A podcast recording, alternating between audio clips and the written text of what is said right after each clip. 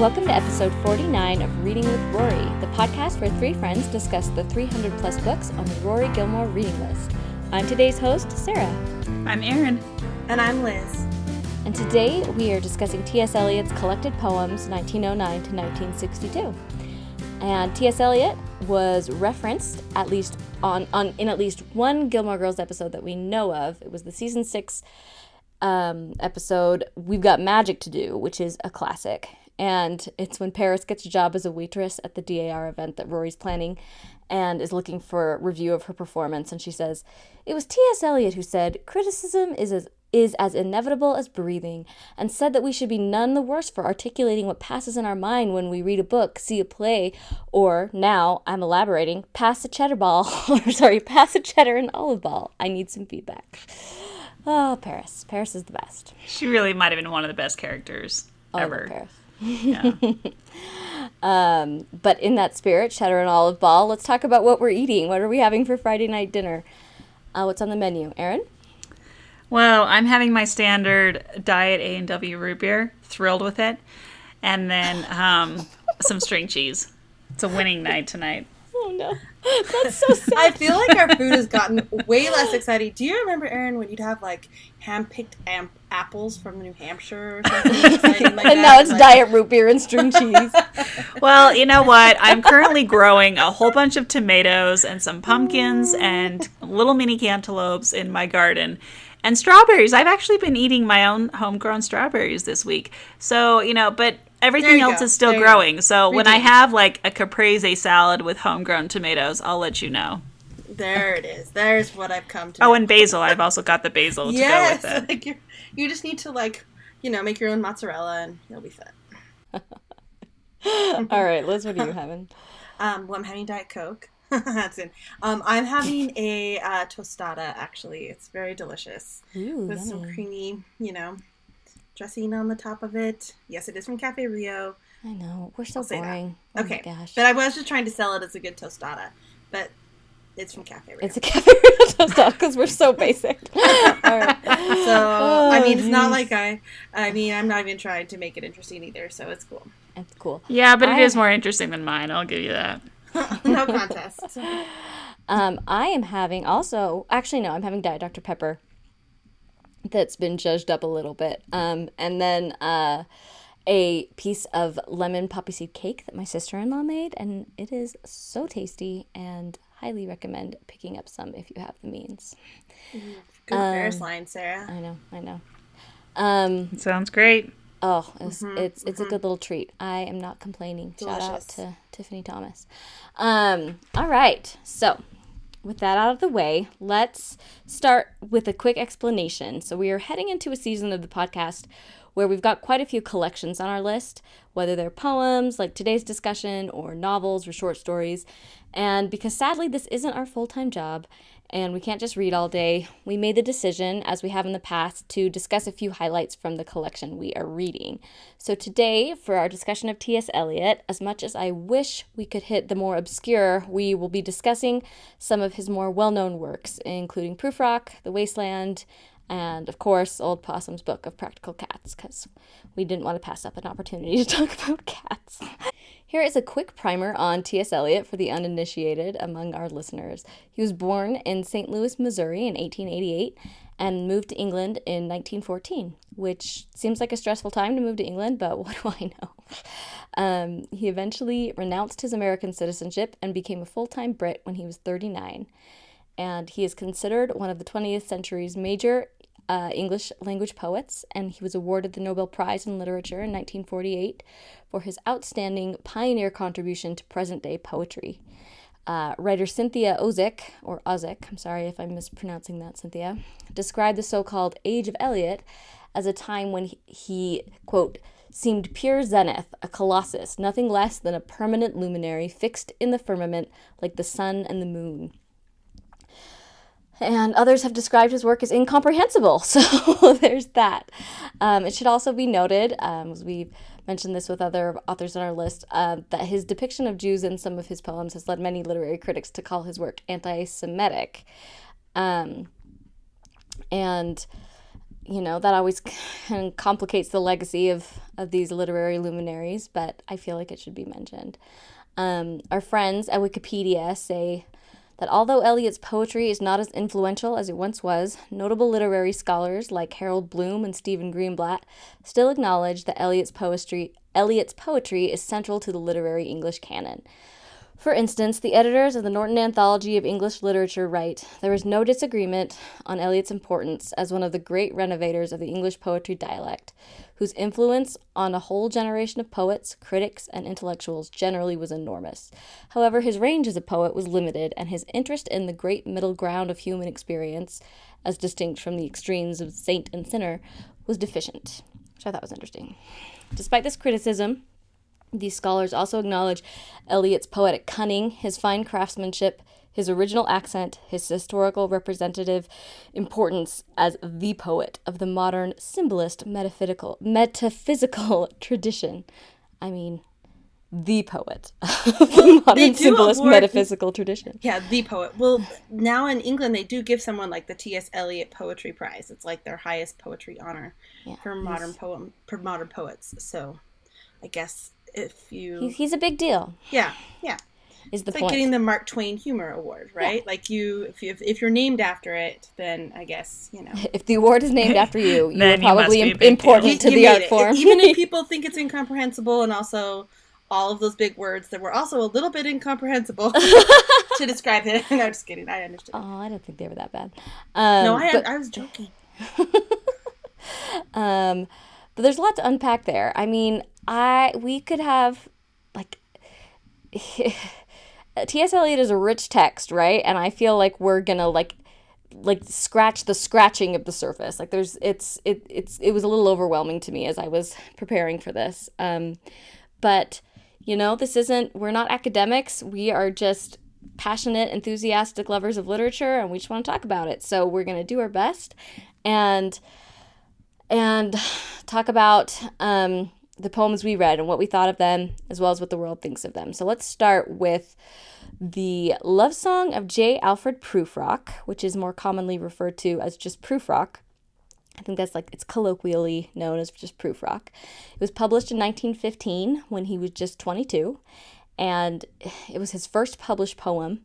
And though it's now considered a masterpiece and a staple of the English canon, it wasn't necessarily received this way.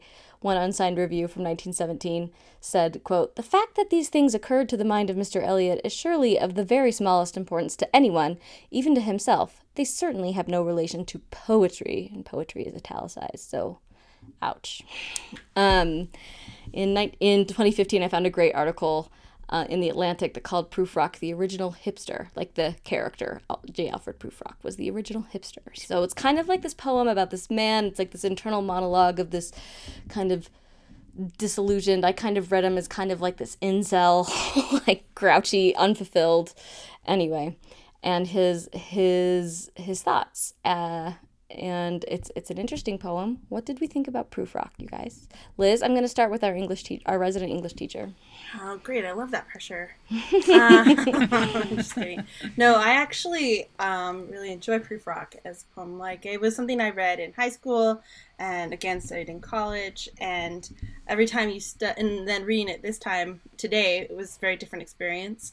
Um, his disillusionment is just kind of interesting, right? Maybe that's not the word to describe him, the the speaker, but he just basically I feel like there is this like this un untapped goal that he wanted to get to and he just never got to it and he puts it off and puts it off.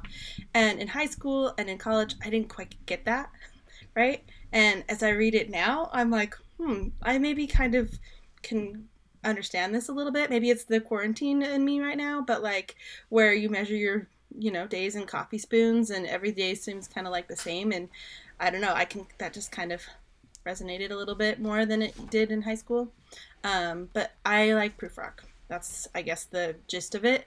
Um, there, it's just kind of a, a lot of interesting um, symbolism and things to kind of unpack in the in the language that I just liked as I studied it in school, and I liked reading it now. I mean, it's I think modern poetry can be really a challenge sometimes It's because very challenging. Yeah. it, it can be but so I, I had I, I also felt that challenge as the resident english teacher it's not like oh i get every word of it i don't i'm not going to pretend to but i do appreciate what it is um, what it is delivering to me and i love how i can the more this is what i love about poetry the most is that your first read is never your best read and so you have to read it a bunch of times and then you um, can appreciate it more the first time you get kind of lost in the fog of it all, right? Like, I think it's you know how there's that yellow fog that's creeping into it. Ooh, It's- nice. It's easy to get kind of lost in that, and the more you read it, like the more times you read a poem, the more comes out of it and more speaks to you. So maybe that's why more spoke to me now than it did when I first read it. But that's where I stand. That's a lot. No, that's That's I, like that's nothing, really good. I like. I really enjoy those thoughts. Um, yeah. Would you give it a Would you give it a rating? I mean, sure. Let's rate. Let's rate each individual poem on Mm-hmm. Yeah, I rate I rate this poem a four point five. four point five. All right. Four point five. Maybe I like hipsters. I don't know. Just kidding. I don't, actually, I don't know if I really see the hipster I'm in him. snapping over here. oh yeah, good. Yep, yep. There it is. um, well, this is what this is what they say in this article. So, well, we can get into it in a second. First, I want to hear what, what do other Erin. people think? I want to hear what Erin thinks. Erin, what did you think of Prufrock? Oh, we can just let Liz talk on this entire thing because I don't know that I have a whole lot to offer. I mean, when I so when I read this exactly to what Liz just said, I read it and I was like, what is happening? I don't understand what's going on here. There's clearly like some guy and there's clearly something that's like he's not happy about but what is happening i don't- like it just re but at the same time i actually really enjoyed reading it and i saw a lot of like artistry in the way that it was written and i finished it thinking i want to understand this better which i took as a good sign that even though it wasn't something that i got right up front the desire to learn more about it meant that there was something in there that still spoke to me in some way. And um and i thought that was interesting right? Um but i mean i thought like there were certain sections of it that stood out to me more than others um you know the yellow fog clearly was one it's a very visual thing um and i thought that that was very interesting, you know, the end, just, you know, talking about like till human voices wake us and we drown. Like it's just, I don't know, it's just an interesting, um, interesting thing. Like poetry is just a, it's a skill to know how to read poetry. It totally I think. is, yeah. And that was just like really brought home to me. Like I've, you know, as we've gone throughout this podcast, my reading comprehension ability has certainly increased. The the sheer skill level required to read a lot of the things that we're discussing has required me to up my game in terms of reading. But we haven't really dealt with poetry very much, and we're about to head into a section where we've got at least a couple of um, poets that we're going to be talking about. And so, reading through something like this, you know, like my first, my thought going into it was, oh, great, this is going to be a quick and easy one to read. And then I started reading it and I was like, what the heck is happening? So, um, it, you know, it's just, it's interesting to do that. But I, so I was appreciating the skill involved in reading poetry. Um, nevertheless, enjoying it, even if I didn't get it all, um, you know, in the first, in the first glance or even the first couple of glances. So um, I don't know how to rate that, to be perfectly honest. I mean, like Rate your experience. I don't know. You can do what you want to do. I mean, I'm just giving you snaps over here for like reading comprehension improvement. the reading teacher in me is like, yes. well, good. Mm-hmm. I'm glad my mm-hmm. yes, my English teacher. Like everyone can improve in that, right? Even It's true. It's it's true. We really we really all can. And again, like yeah, you know, another thing that just strikes me again is that the more you read this stuff, the more you see it pop up in other places. And some of that is really, really obvious. Some of it is not. But, you know, there are references to Lazarus in here from the Bible. There oh, are references poems to are Hamlet. Full of illusions. Yeah. Yeah, like all of the illusions, you know, talking about Michelangelo, about like just uh, all these different, like, you know, whatever. We're like the ladies that come and go and talk with Michelangelo. That's us. Kind of. But um but it's just it, it just really does impress upon me that the more you know the more you know right like it it really it really is a, a real thing so i don't know i guess i'll throw my experience with this at a um somewhat in the dark four how about that That I'll take that. I like that. I mean, for me, Erin, I mean, I- I'm honestly a little surprised because for me, this was a really similar experience to reading William Faulkner for the first time, and also oh no- no it wasn't. Oh no, for me, it was. It, it's there's still there's so much extreme consciousness, and there's no like cohesive, especially as you get into the wasteland, which we will. But it was a really similar experience for me anyway for Faulkner, so I wondered if you were gonna react as strongly negative as you did to Faulkner. no no um, yeah, I it's it's hard. It's it's really challenging stuff, and and but ultimately, I think really good. I mean, there's some passages of this that I really, really, really liked. Right where he says, "And indeed, there will be time to wonder: Do I dare? And do I dare? Time to turn back and descend the stair with a bald spot in the middle of my hair. They will say, How his hair is growing thin! My morning coat, my collar mounting firmly to the chin, my necktie rich and modest, but asserted by a simple pin. They will say, But how his arms and legs are thin! Do I dare disturb the universe? In a minute there is time for decisions and revisions, which a minute will reverse. I mean, come on, that like gives you chills. it's so good.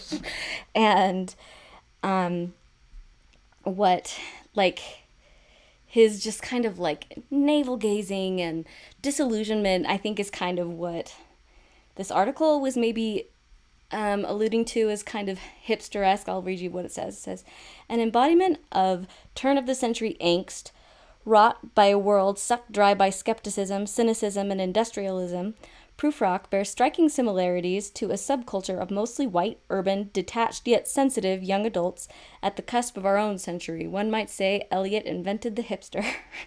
and I thought that was interesting. Um, Invented the hipster as like modern poetry, as a modernist, because that's what like he did basically. well, no, I think essentially, like the character, the character the character Yeah. of Prufrock kind of embodies, like, yeah. was, okay. Okay. right? Yeah. Got it. Um, yeah. So it goes on to say in a keen essay on the hipster in the New York Times, Christy Wampole describes the urban hipster as a nostalgic, quote, for times he never lived himself.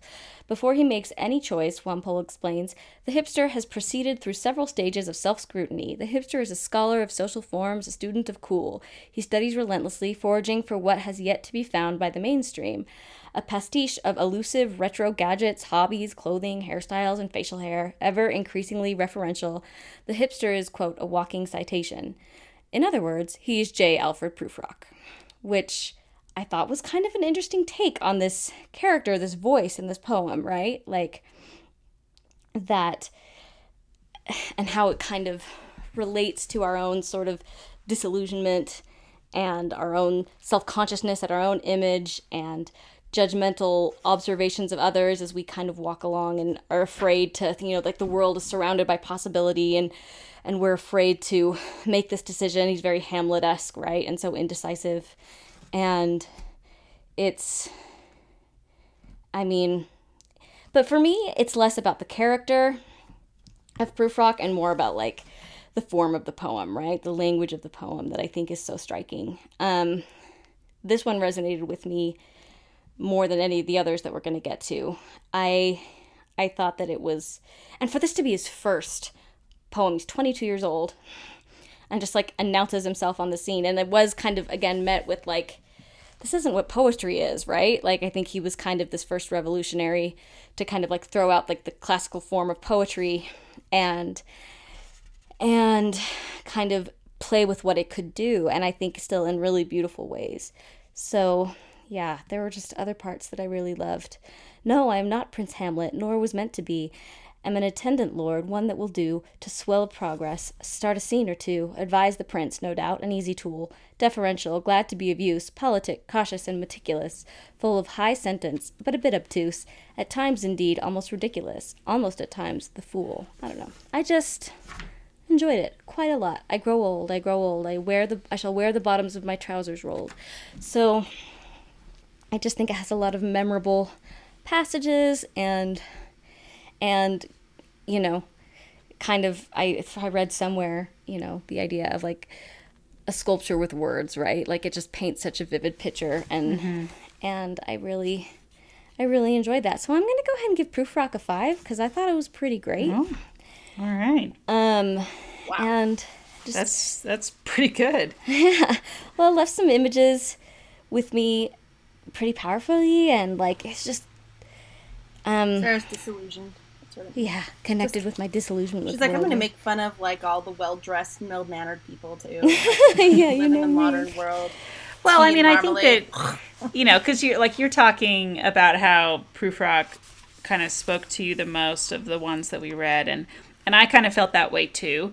I Yeah. mean, far more than something like Cats, right? Um, but but I think maybe that's part of it because he's getting at a very and again to the point about this being like his first one, his first poem, like the thoughts and the emotions that run through something like this, even if you don't follow the whole train of thought, everybody's felt that way to some extent at some point in their life. And so the little snippets that you do get, um, I think they're very easy to identify with, and it's very easy to relate to some of this in. Um, you know, in some way. And so I think then you combine that with the fact that, you know, as I was reading this, I was struck again, kind of like you just said, Sarah, about how much poetry can really um, create images, right? Like it's all about the imagery that you're creating with very few words and it's it's very different than how a novel is written and so the some of the the imagery that was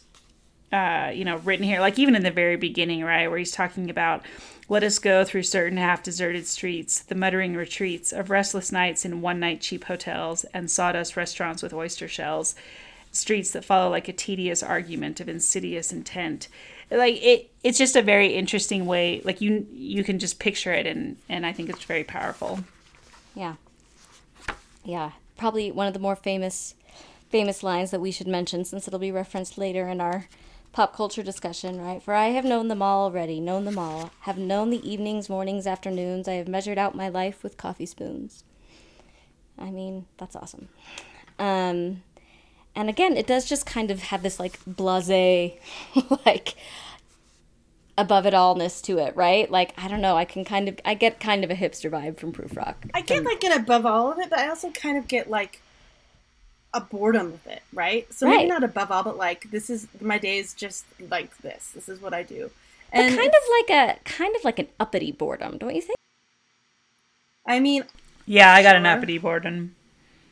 yeah, yeah. I mean, I can get that too. I think he, I think T.S. Eliot himself is kind of uppity and intellectualist, right? Oh, like yeah. he's Mhm. he. Uh, you talked about all his illusions and all that stuff. Like he never even once tried to explain any of them. He's like, people don't know this. What's wrong with people? Stupid, Yeah, right? like morons. he's never trying to apologize for it. So I mean, yeah, for sure, there's kind of an uppity uppityness to it. So I can see that image too. But like, just the idea that like your days are measured by the daily like mundane little things that you do.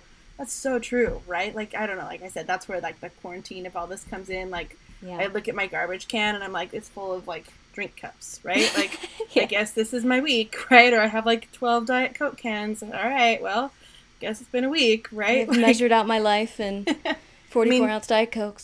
yeah. Uh, sad but kind of true. It's not as poetic as coffee spoons. But I mean, it is kind of an interesting. I mean, there's a reason why that's famous. It just kind of has an interesting remembrance to it. Yeah. Anyway. Yeah. I mean, do you guys think it's a love a love poem? No. I was confused about that. Um, well, Eliot called the this is from Wikipedia. Eliot called the poem a, a quote love song in reference to Rudyard Kipling's poem "The Love Song of Har Dyal," first published in in Kipling's collection "Plain Tales from the Hills." Um, and he addressed this in a meeting of so you know like I don't it's not literal like it's just Oh, I think it's like ironic, right? I think Yeah. he's trying to be Yeah. ironic for sure. Yeah. So, but but specifically the reference to love song is is is kind of a homage or an allusion to Kipling. Um okay, so he cuz what what Eliot said was traces of Kipling appear in my own mature verse where no diligent scholarly sleuth has yet observed them, but which I am myself prepared to disclose. I once wrote a poem called The Love Song of J. Alfred Prufrock. I am convinced that it would never have been called Love Song but for a title of Kipling's that stuck obstinately in my head, The Love Song of Har Dyal. I mean, it's pretty straightforward, right? Like, um, so I think it has kind of those those layers where it is kind of again an homage to Kipling, but also it does have that irony of him, you know, like it almost kind of feels like like I said, an incel, right? Like this like unfulfilled, like his desires are unmet and he's so frustrated by them and and never it seems like he poses this question that he he never poses this question to someone that he wants to and it kind of makes it feel like maybe it's a question about you know a romantic situation but again it's not and yeah maybe also as kind of like a middle finger to like the preceding era of poetry that was romantic right that was Maybe. yeah i don't know I mean, that would explain the ending. yeah I don't know, a little bit. Not necessarily. Like, just the whole, like, under, uh, you'll join me in the water yeah business, right? There's, like, romantic notion of just, like, he's talking about the mermaids Yeah. Um, and he says, I do not think they will sing to me. I have seen them riding seaward on the waves, combing the white hair of the waves blown, blown back. When the wind blows the water white and black, we have lingered in the chambers of the sea by sea girls wreathed with seaweed red and brown till human voices wake us and we drown. Yeah. Oof. It's such a departure from the rest of the poem. It's just kind of that. Yeah, yeah. Well, um, I mean, there's probably a lot more we could say. Uh, I again, I'm we're gonna post the, this link to this Atlantic piece when T.S. Eliot invented the hipster because I think it has a lot of really interesting observations. But I want to move on to the ne- next poem we read, which was what is kind of considered his magnum opus, and it's called The Wasteland, and it was published in 1922, so seven years after Prufrock and um, it's widely regarded as one of the most important poems of the 20th century, a central work of modernist poetry. Its original title, which I thought this was really interesting, its original title was a, like a reference to Charles Dickens, and it was supposed to be called "He Do the Police in Different Voices," which at first I was like, huh? Like, that sounds like incomprehensible. Eliot originally considered entitling the poem He Do the Police in Different Voices. Um, in the version of the poem Eliot brought back from Switzerland, the first two sections of the poem, The Burial of the Dead and A Game of Chess, appeared under this title.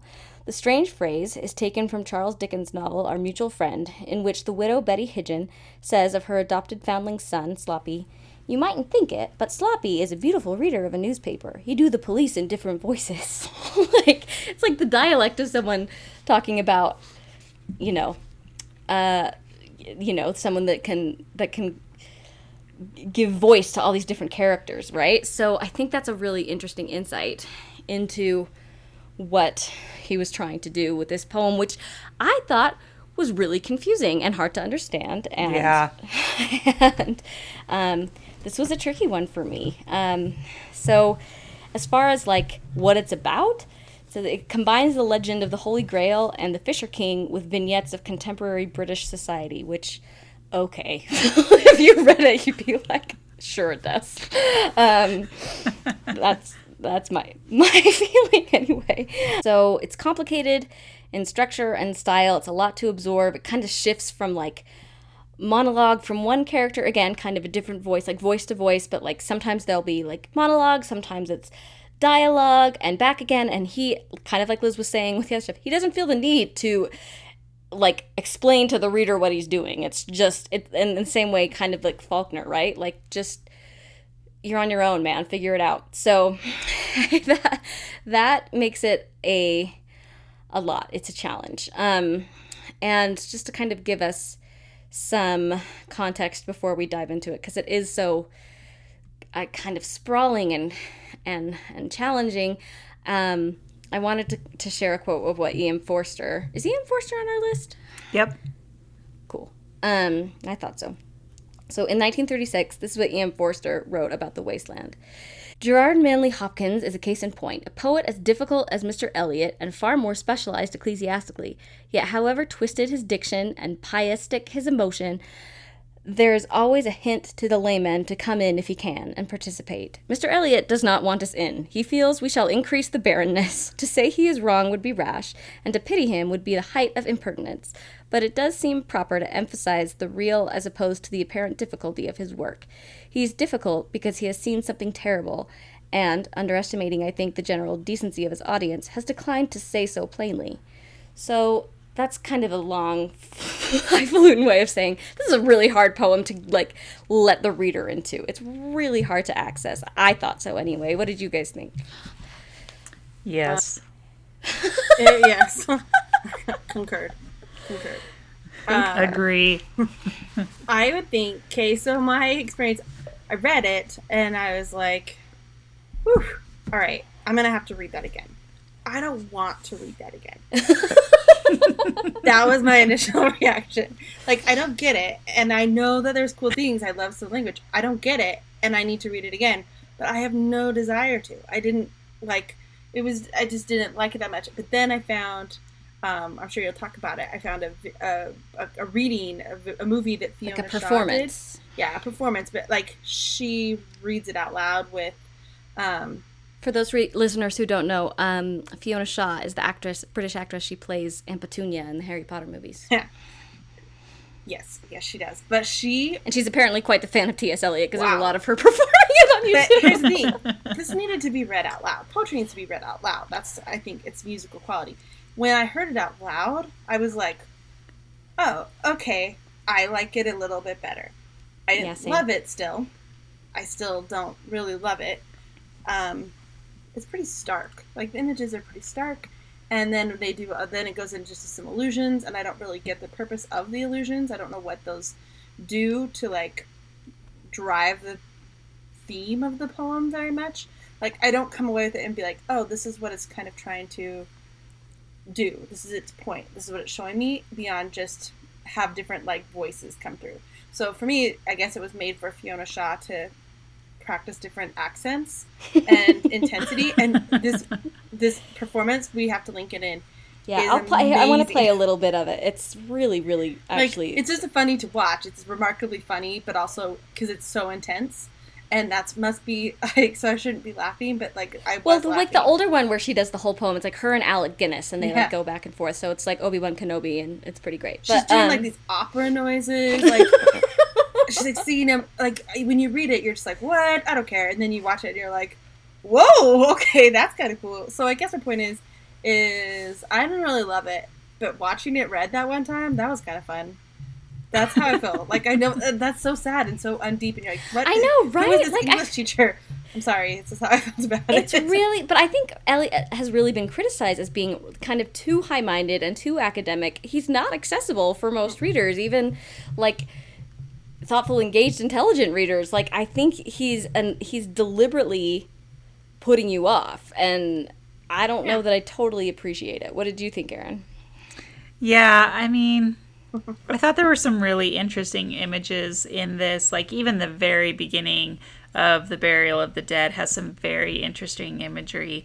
You know, he's talking about April is the cruelest month, breeding, lilacs out of the dead land mixing, memory and desire stirring, dull roots with spring rain. Winter kept us warm, covering earth and forgetful snow, feeding a little life with dried tubers. Like it's just like you kind of get a sense of, okay, this is not a happy poem. Um, Well, it is titled "The Wasteland." right, and the first section is the burial of the dead. Burial so yes, I mean there are some giveaways. You had some clues, but yeah. um, but still, like the, so, I thought there was some very interesting imagery. But yeah, this one, I was like, uh, okay, Yeah, I'm right there with Liz. I needed someone to kind of make bring it alive to me. It was kind Yeah. of incomprehensible on the page. And I'm sure like to our listener it's probably this is all probably pretty obtuse. Like what are they even talking about? Like it's a tricky poem. So like I want to play a little bit of this so you get a sense of like the mood of the poem. It's just the first few lines from the Burial of the Dead, which is the first um, piece of, of the larger poem, The Wasteland. It's a crackling fire. April is the cruelest month. Breeding lilacs out of the dead land, mixing memory and desire, stirring dull roots with spring rain. Winter kept us warm, covering earth in forgetful snow, feeding a little life with dried tubers. Summer surprised us coming over the Starnbergersee with a shower of rain. We stopped in the colonnade and went on in sunlight into the Hofgarten and drank coffee and talked for an hour. Bin gar keine Russischstamm, außertreuen, echt Deutsch. And when we were children, staying at the Archduke's, my cousin's, he took us out in a sleigh and I was frightened. He said, Marie! Marie! Hold on tight! And down we went. In the mountains, there you feel free. So I thought she really like I mean, she makes it so conversational, right? Like someone's just mm-hmm. like sitting down and telling you a story, kind of in that same he do the police voices, right? Like or he do the what is it supposed to be again? I can't even remember. he do the voices of the all the police, whatever the original title was. So it was it's it's it's kind of like these monologues, like all these different characters telling these different stories about their lives. And it really kind of yeah, just made it really come alive. But also still like Liz, I don't, still don't know that I liked it all that much. You know, Um, when it's so interesting to listen to things like that and contrast them with your own reading. It like what it does is it gives me a real appreciation for people who act because Mm-hmm. um, the ability to take words like this and put life into them is a real art. And the first time I really, really, really appreciated that was not too long ago when I read um, Who's Afraid of Virginia Woolf for the first time. And I read it and then it just so happened I was in I was living in DC at the time and Ford's Theater did a, a showing of it. And so I went, it was right after I'd finished reading it, and watching it was a completely different experience than reading it.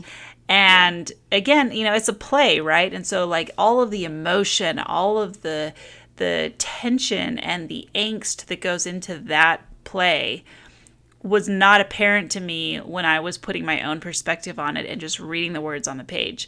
And so having someone take that and put it into life, you know, I think really makes a big difference. So like Liz, like you were saying, watching someone per- perform this essentially brings a lot more out than if you just read it on your own. Yeah. I mean, I love Fiona Shaw anyway. Like Yeah. I have since Three Men and a Little Lady. She's been a, a I've been a fan. So this only brings it out even more. it's a deep cut. That wasn't, Um, but not that deep of a cut. That's a good. That's a good movie. I mean, okay, I watched her this week in Killing. It's a deep Fiona She got Shaw cut. She's not like the selling point of Three Men.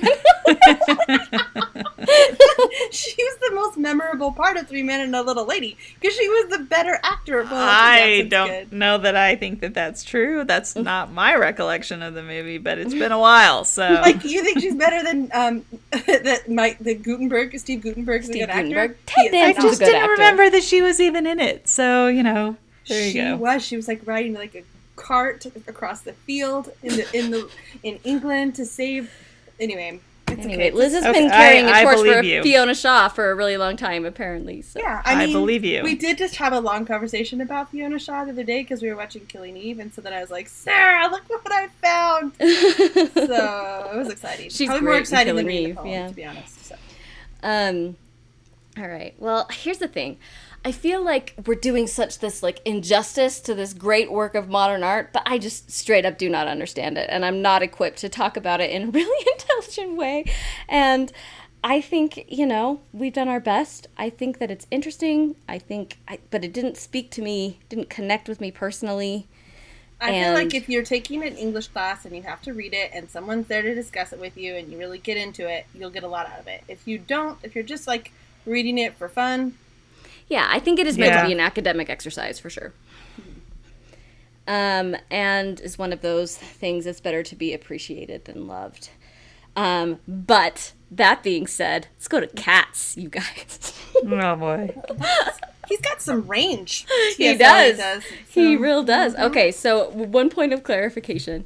Um, Old Possum's Book of Practical Cats was not included in this collection that we read, but we felt like, given the recent cultural conversation around the movie of the musical Cats, we wanted to talk about cats. So we're, we read some of, of of the poems of which it was based on, which were written by T.S. Eliot, and they were. Um, they were written by Eliot in the 1930s, and he included them under his assumed name, Old Possum, hence Old Possum's Book of Practical Cats, in letters to his godchildren. So uh, eventually on, they were all. thought.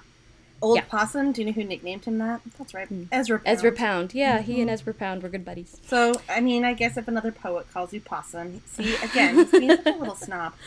Yeah. Eliot. Anyway, Yeah. continue on. anyway, um, they were collected and published in 1939 with cover illustrations um, that he did, and then they were republished in 1940 with other illustrations. They've also been published in other versions in 1982, 2009, 2014. So it's kind of like a separate, weird little offshoot. Like it, it's not some. I don't think they were like the because he curated these collections of his poems um, in these books, and he never included the cats, right? Like, I don't think he considered it like his great his. So it really makes me laugh. This like, you know, capital G great poet of the 20th century, the celebrated like modernist inventor of the hipster, and that what he's most remembered for in the wider culture is cats is just too brilliant for Well, you me. can't turn Wasteland into a musical. Sorry. The fact that you can turn cats into a musical is incredible in and of Can't do that itself. either. oh gosh. So, um, but let's talk about the poems themselves before we get into the the the musical and the movie. Um, did you guys read them?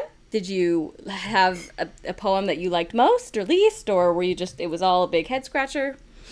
I liked the naming of cats Right, that's the one I liked. too. Yeah, me too, actually. because I mean, really, the cats' names are the best part. Yeah. Right. So uh, that was a good. I mean, that was a good poem. I love that one. It's it is difficult to name cats, right? You can't just have. and Any it's just nonsense. I don't think there's. He's wrote it for children as like a lark. I don't think there's supposed to be any great meaning or import or like connection to like like great images. But but let's um uh, because it's essentially taken straight from the poem, the the words to the the song from Cats. This will be a good segue. We'll play the naming of Cats from the 1983 original Broadway cast.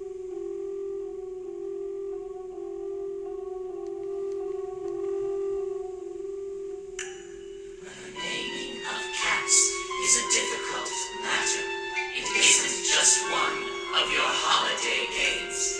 You may think at first I'm as mad as a hatter when I tell you a cat must have three different names. First of all, there's the name that the family use daily, such as Peter, Augustus, Alonzo, or James, such as Victor, or Jonathan, George, or Bailey all of them sensible, everyday names. There are fancier names, if you think they sound sweeter. Some for the gentlemen, some for the dames, such as Plato, Admetus, Electra, Demeter, but all of them sensible, everyday names. But I tell you, a cat needs a name that's particular, a name that's peculiar, and more dignified. Else how can he keep up his tail perpendicular, or spread out his whiskers, or cherish his pride? Of names of this kind, I can give you a quorum, such as Munkustrap, Praxo, or Corico Pat, such as Bombalurina,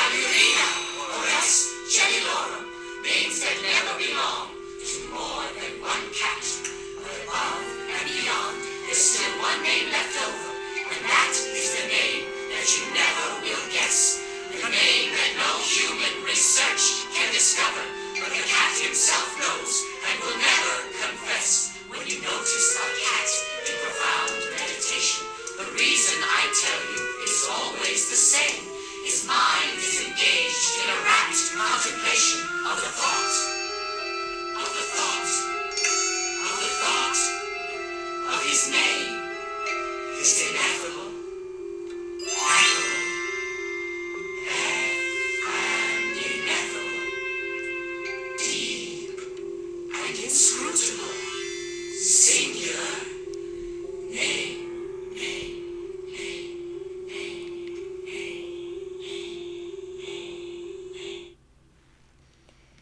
So, so that's like the stuff of nightmares a little bit.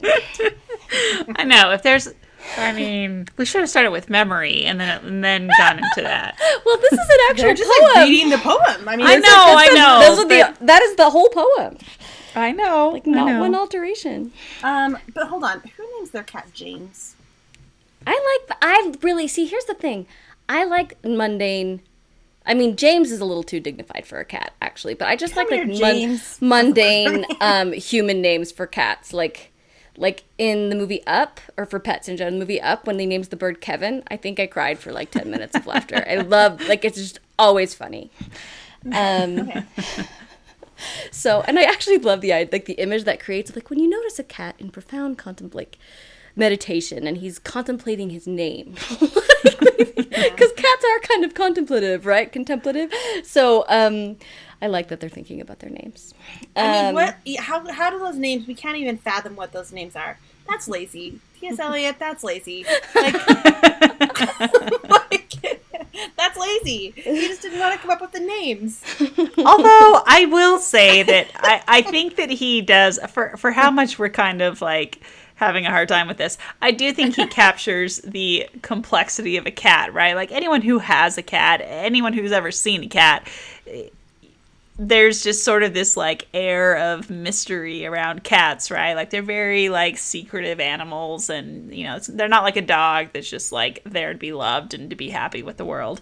And so I think it's kind of yeah. clever. I do even though okay, you've got the lazy way out, but I think it's kind of clever that that's like he's going through this progression of these like you know common fa- daily use names and then these slightly fancier names and then there's you know a name that the cats kind of have you know i don't know something that's more particular but then there's this name that, that only the cat himself knows like it kind of fits with the whole persona of a cat Yeah. No, it's not 100% lazy, but I also think sometimes you're like, I'm trying to think of the word to describe this.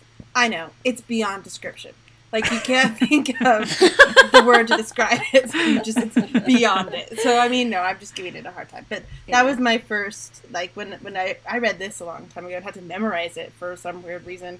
And I remember thinking that to myself, like, I'm glad I actually don't have to memorize what the real names are because I bet they'd be kind of weird based on what they're like, like cat names are that they do introduce themselves as, right? Like uh, they'd have to be weirder than that or not. I don't know what they'd be. did this kind of this whole exercise did it kind of give you like lewis carroll vibes of like just writing this like yeah fanciful weird kind of unintelligible thing for you know children Yeah. that he's He's close just having to fun, and apparently Yeah. he loved cats. So maybe Yeah. he just had a room full of cats and Well, can I share? So, my first experience with cats was seeing the production. However, when I saw the production, I was in Spain on a study abroad, and we had gone to two shows, one of which was Phantom of the Opera, and the other was Cats. And being in Spain, they were both in Spanish. Now, Phantom of the Opera was fine. I had already seen that before and knew what it was about. Plus, it's relatively normal dialogue and music. So it was great. I loved it. Wonderful. Then we went to see Cats, and I had ne- I don't think I'd ever read these poems, didn't really know anything about them, knew nothing about the story, and the whole time I sat there and I was like, I have no freaking idea what's going on right now. And it was the most confusing thing I have ever seen. And now I'm like, oh, it's because it was all a bunch of poetry about a bunch of nonsense in a different language. And clearly, like, obviously, I wasn't so you were just it. like more entranced by like the weird costumes and the dance moves than yeah, so the weird costumes and the weird music. I think the only moment of the show that I actually enjoyed was when they sung Memory because I was like, "Oh, this is normal."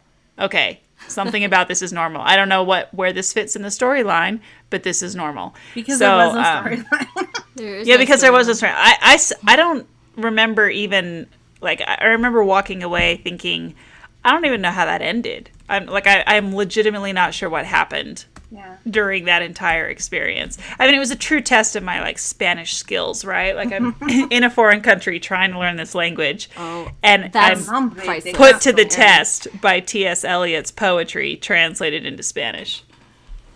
Um, I love that. Speaking of, um, uh, cats not having a plot, um, we have to cite one of the all-time great tweets, in my opinion, from. Please stop saying the plot of Cats is confusing. The plot of Cats is that they're cats and they introduce themselves until one of them gets permission to die. It is more straightforward than Wasteland, but you might as well have put Yeah. Wasteland into a musical. It would be just as comprehensible as That was what I was going to say before. There. Oh gosh.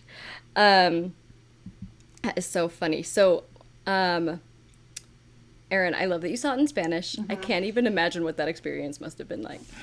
I love that it got translated into Spanish. I know, oh, and I can't remember if I saw it before or after Phantom. I can't remember the order there, but but in either case, I just remember walking away from that um, study abroad thinking, well, I still love Phantom, and Cats is not at the top of my list. Oh man. I uh Did not see it on stage on purpose. I saw it on a well, um don't you have discerning taste? No, I don't. I don't like animals that talk or dance or sing. So. but I mean, it was so popular. It's been on the stage for so long, and I it- know. and it is versions of it. It Well, was it like was- the it- first musical to really hit this like viral, like Well, it was, like, eleven year old this first, girl like, at home mega wants to see it yeah. out of nowhere. Like So it was it was first it premiered in Britain in 1981 and it was supposed to be supposed to be it's supposed to star Judi Dench but she like apparently broke her leg or broke some sort of bone and couldn't couldn't do it. And there was rumors that it was like she backed out because there was lots like the buzz around the show was that it was going to be this disaster. It was so weird. There's no plot. What in the world is this? And so she ended up not being in it. And then it turns out to be this massive like world dominating success which is just so bizarre because it's so weird. And the music some of the music is really fun but um it's not the kind of fun where you think that's like this is like the the world's first like Wicked or Hamilton or The Producers like or Book of Mormon like that are just this huge smash hit musical that connects with all these people. And um that it was Cats that kind of like paved the way for these other mega musicals is so funny to me and it was so it's the longest running show on Broadway until Phantom beat it out and even now it's like still like the fourth ron- longest running it was like on Broadway for like 20 years crazy. It's crazy to me that it was that successful. And and it was just like something that like everybody did. It was just like this like mainstay tourist attraction in in New York. So I think uh, like tourists kept it alive honestly for as long as as they did and it was kind of like you go see cats when cats on Broadway when you're it was on the West End too in London. Yeah, no, I like it was there. It was there. Um, so it's a it it's it was a legit musical theater sensation in the 80s and I still remember as a kid in the early 90s like people talking about, you know, going to New York and going to see cats like that's what you did. That was the show you went to see and it's so funny to me And they didn't go see Secret Garden, which is crazy because it would have been way better. Yes. it is that is a good show. R.I.P. Sorry. Yeah.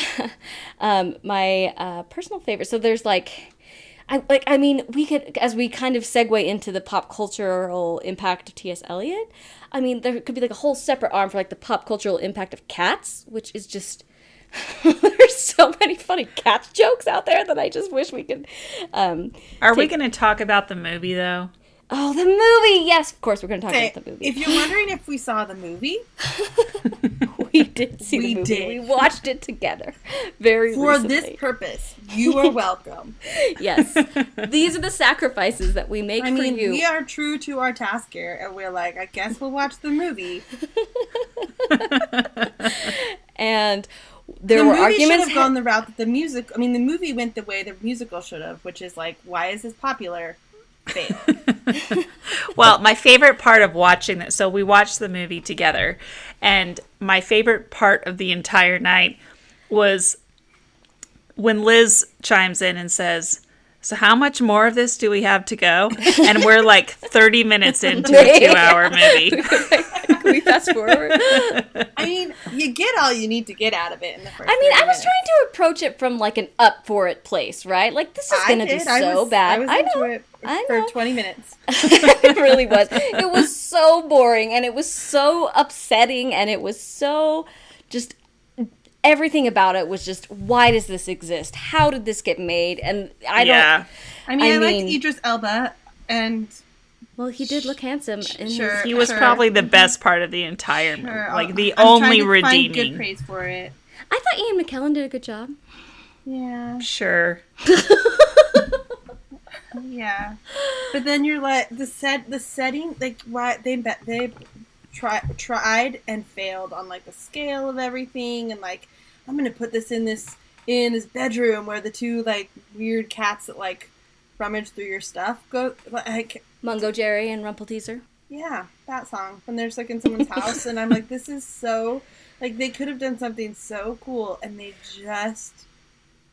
It's so boring. Like they don't ever make it like they don't look like cats. They look like people in cat suits, digitally rendered cat suits that are tiny in a giant house. Like it's just really and sometimes they're wearing disorienting. fur coats or Well, suspenders, And they have human hands. Yeah, the human Right? hands were not not Yep. my fave. and some wear shoes. Hmm. And then some of them, appa- like Rebel Wilson, can unzip her one coat and she has an entirely separate one It was underneath. it was so upsetting. It was so upsetting, you guys. Like, Ugh. and some cats are sexy, and some cats aren't. Mhm, That's they're weird. sexy cats. Yeah, Like, cats Yeah. aren't sexy. I They're guess cats they are. we- and, like, slut shame, and there are cats that we um. Uh, I don't know. You know. I, yeah the the story there is no story. It is just a series of like here's this cat now here's this cat and but we and- watched it for you guys, so We did, and I don't feel like it really shed any more light onto the T.S. Eliot experience. Oh no. But it was a very different experience than reading. and then again, I would rather I watched the Fiona Shaw Wasteland performance with utter joy. I, I, I watched the one for cats in bafflement, so I guess that's where I'm at on that. yes, yes, don't get your T.S. Eliot filtered through Andrew Lloyd Webber. I guess is the moral of the story. I mean, no offense. The world would disagree. no apparently. offense, Sir Lloyd Webber, but I wasn't a fan of this. We're Um, gonna get like hate mail or something. From the other kids. um, well, the best joke about cats is from Kimmy Schmidt, in my opinion. In the fourth season, second to last episode of the whole series, uh, character of Titus Andromedon, if you're not familiar, who is an all time great character, he's like an aspiring Broadway actor, and he goes to see a Broadway um, production of what's supposed to be cats. I mean, it's. It's so funny anyway, and he's like watching it and just kind of like, I could do this. And, and baffled at who the audience should be, which is apparently old people and kids. children and old people are the only people who go and, and that's why they come into the audience. Anyway um, so he, at, at intermission he leaves and he gets a cat costume and he changes he gets in costume he's like look i can i can do this. And he goes up on stage and he becomes part of the cast.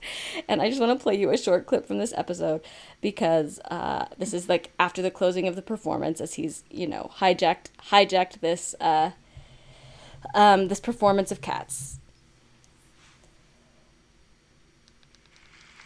From Bumbly. Me? No.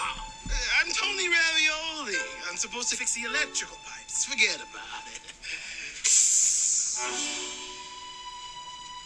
So you thought that you would go up on that stage in your homemade costume and sing a bunch of nonsense in the middle of a Broadway show? Oh, good for you, because you just discovered the secret of cats. My kittens, the great mother cat has eaten another placenta. A kitty is born. His name is from Bumbly. From Bumbly. Meow, meow, meow. Um, I know this is a shock, But do you really think that you're the first actor desperate, delusional, or narcissistic enough to think that should be me up there? Are you saying cats? Doesn't exist. It all started in 1980 when a New Haven production of Hello Dolly got Legionnaire's disease and didn't show up. A disgruntled actor in the audience saw his opportunity and, shall we say, pounced. Inspired by his day job as a Times Square Garfield, he delivered an impromptu two hour monologue about cats. He called himself Mr. Mizzlemits. So the whole show is made up? We just do some poppers and say whatever comes to mind. Jellicle, Griddlebone, Mungojerrie, Jimmy McCracklins. But I thought the show was based on some poems by T.S. Eliot. And what is Eliot an anagram of? To lie. What about Andrew Lloyd Webber? He wrote the show. Did he? Look carefully.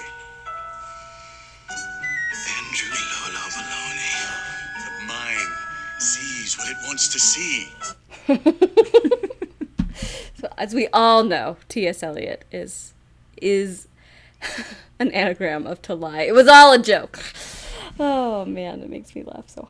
That takes us into our favorite, um, uh, one of our favorite segments is to kind of discuss where this book, or in this case, these poems, pop up in pop culture, and this is pretty um, hard to. Uh, this was this is tricky because it's kind of one of these things where it's like I'm not familiar enough with all of Eliot to realize just how permeated it is, but I learned some fascinating stuff as I did some research.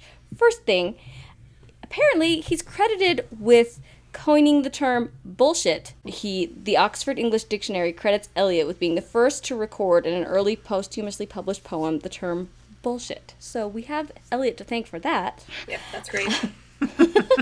a poet, of course, came up with that. It is kind of poetic. Um, And I mean, he's referenced by. So th- I I found this other article from. This is actually funny because I had a dream about this artist last night.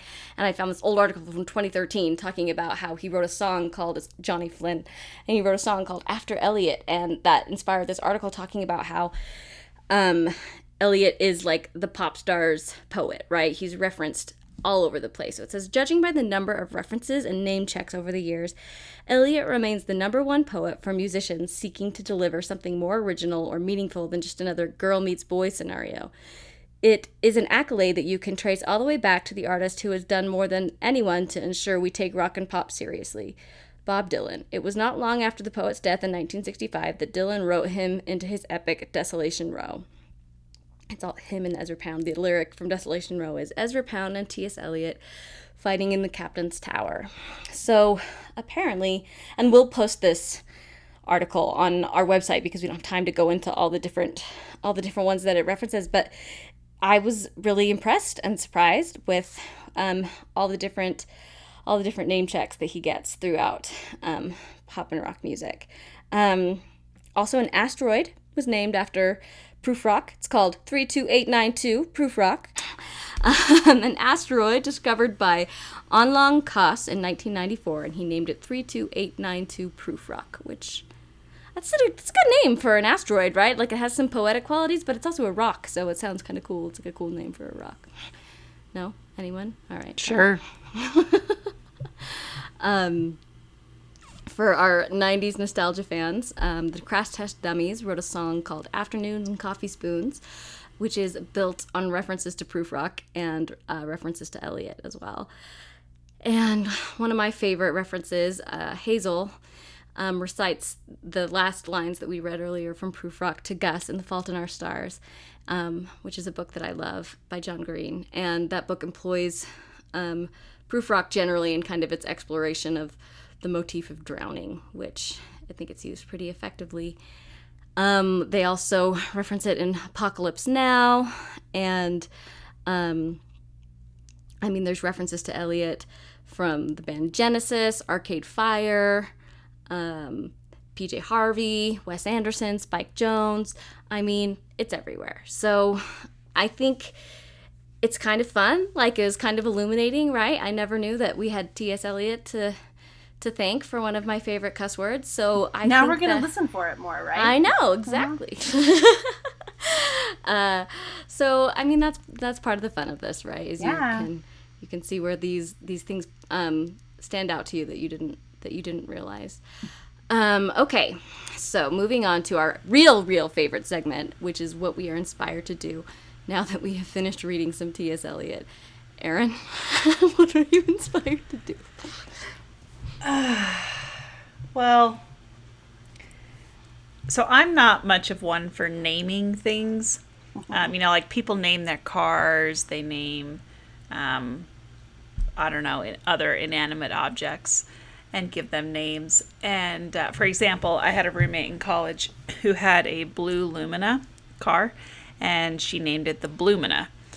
Clever, right? Yeah. Anyway, so I thought it might be, but I, I, and I don't have pets or anything like that, but I do have a lot of plants, and I thought it might be kind of fun to create some like super random names for my plants. I love this. The naming of plants. The naming matter. of plants, yes. I have not actually come up with any of them yet. I'm still kind of pondering this, but I thought because I talk to my plants and I, you know, as one does, and um, you know, and I care for them and everything. So I thought it might be just kind of fun if I had some like super random names to give my plants. So I'll have to report back when I actually think of some. Send Erin some suggestions for her. Oh yes, if you have suggestions for what I should name my plants, please tell me. I've got some pothos plants, I've got an Easter cactus, I've got or a couple of them. I have some snake plants, spider plant,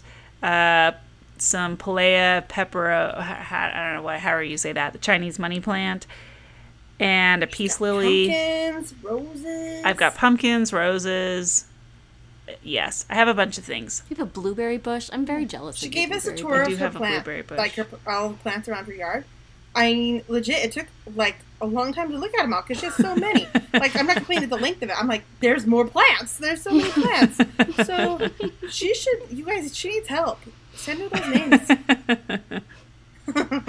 Yes. Yes. You, you can send us So your there plant name suggestions to readingwithrory at gmail.com. Yep. Yep. Great. So that's mine. I love it. Liz, what about you?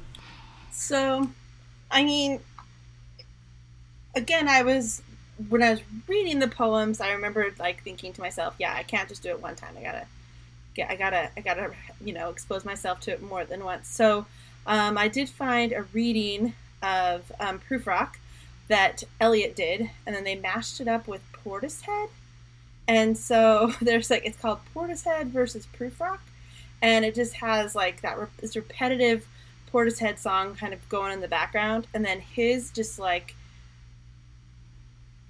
I don't know how to describe. I guess that's I feel like he's not allowed to have a British accent. I've listened to this, and he has a British accent, and I'm like, buddy, you didn't move to Britain until you were like 25. I don't think People that that fake counts. British accents all the time, so but it sounded cool. And he's reading this, and uh, it made me like the poem even more. So it inspired me to try and list, like, when possible, if when we read poems, if I can find the author reading them, that's always fun. If you can find, Yeah, we did that with um, Sylvia Plath, and I really yeah, or Fiona Shaw reading them, or whatever. But like I, um, you know where I'm gonna go with this. I just like hearing people read the poems out loud. So, um, I guess I'm gonna find some more uh, poetry out uh, read by the author, poet. That's fun to do. And you should look at Portishead versus Prufrock. It's pretty cool. We'll put it on our page too. Don't you worry. Um, well, that's fun. Mine's kind of boring, but like I feel like as we're about to embark, and actually I think we only have one other collection of actual poems after this. Other than that, they're like short stories or novels or whatever. But um, I just don't know that I have the soul of a poet. Like I'm just too literal. I don't know. I need to work on this. So like I want to be able to approach a work like this and maybe this is asking myself too much of myself I don't know but like approach a work like this and just kind of like again talking about like an up for it attitude right? Like just be able to like I needed context and I needed kind of like with Faulkner where you're saying like it helps so much to have someone explain it to you and while I think that's good and that's valuable and and maybe that's part of the process like I don't I, I want to be able to connect with poetry without having it taught to me or explained to me, you know? So I feel like I need to spend some more time, like exploring how I can, you know, I guess be more, have my soul be more of a poet, right? So that I can connect more with this stuff without it being quite so, um, like quite so tricky to to access myself. So I just I think I want to spend some more time with poetry, learning about the form. I think I may have even said this on previous ones, so I'm obviously not doing a very good job. But it's I think clear the if need is repeat ourselves, I Um, we'd be a little gentle on that. So Guys, I'm like the queen of repeating my to do, my next, you know, my now what in every single episode. Well, I, I think I am repeating myself. I can't be sure, but I do. I just want to be able to, um, to I guess yeah, have the soul of a poet and understand and understand poetry a little better, just like internally, without having to rely on Wikipedia or my sister, the English teacher. So, um, Right, I'm just gonna I'm- be like also also also what I just say to kids. Well, read it again, see what you find. which is good, Yeah. right? Like I think I think it does have to be kind of a process of discovery, and I'm just, you know, I don't know, like so used to like explaining things and like having things explained to me and like learning things that it can be like a little prescriptive, and I don't want it to be that way. I want it to be a little bit more expanding and and and natural. So, um, however that whatever that looks like. I don't want it to look like going to Wikipedia to learn about how do I become a better at reading poetry. so Well, I- hold on, there are essays and like not essays, but there are lots of things on like how to read poetry that help you Mm-hmm. like understand it better. That would make it easier to do. There is an art to it. It's not know. you can't just read the poetry the same way you read anything else. There is an art to it. I think also like so much of it is how it speaks to you, right? And and finding things that actually speak directly to you and and there is something to be said for that. Like I just finished listening to the audiobook for um Where the Crawdads Sing and there's a they talk a lot in there about poetry and poetry can give a voice to emotions and feelings that you're having a hard time expressing, kind of like, like music. music, yeah. And so um and but that's a very personal thing and that's not every piece of poetry is going to speak to that. yeah. And I was just gonna spoil that book, and so I am now stopping myself. I don't want to spoil. Yeah, it. we won't spoil that one because we're not discussing it. um, yeah. No, I think that I love it, Sarah. The soul of a poet. I think you have to find like where it taps into yourself personally, right? Like, to, I mean, because I can appreciate beautifully written Yeah, I words the, like, and crafted words, but like, yeah, I just think I think accessing it emotionally and intuitively the same way you can with music, and just learning to appreciate it more that way. You know? so we're gonna watch Dead Poet Society. There you go. yeah, It'll be You're better young. than cats. it will be very better than cats. Oh, a thousand times better than cats. Oh, I think that are- can safely be said of like anything I've watched this week or this year. I was like, or this week? this millennium. Maybe yeah, that that's a concerning remark, but anyways. I watched some bad stuff. Well, now we all know exactly how Liz feels. How it wasn't a mystery. Ah. All right. Well, thank you so much for joining us. What did you think of the collected poems of Eliot? Are you a fan? Do you find it incomprehensible, or is he, you know, a fixture among the firmament for you? Um, we would love to talk about it with you. Start a conversation with us on Twitter, Instagram, and Facebook. You can find us at Reading with Rory, or you can find us on our website at readingwithrory.com. You can also follow us on Spotify for playlists inspired by the books we read. This one should be fun. And also, please don't forget to leave us a review. All the podcast people say it because it's true. It helps people find us. So um, we want to find more of you and connect with you. So uh, please leave us a review. We would really appreciate that. Next time on Reading with Rory, we will be discussing some more poetry with the collected works of W.B. Yeats. And we hope you'll join us for that. Thank you for listening and reading along with us. We'll catch you next time.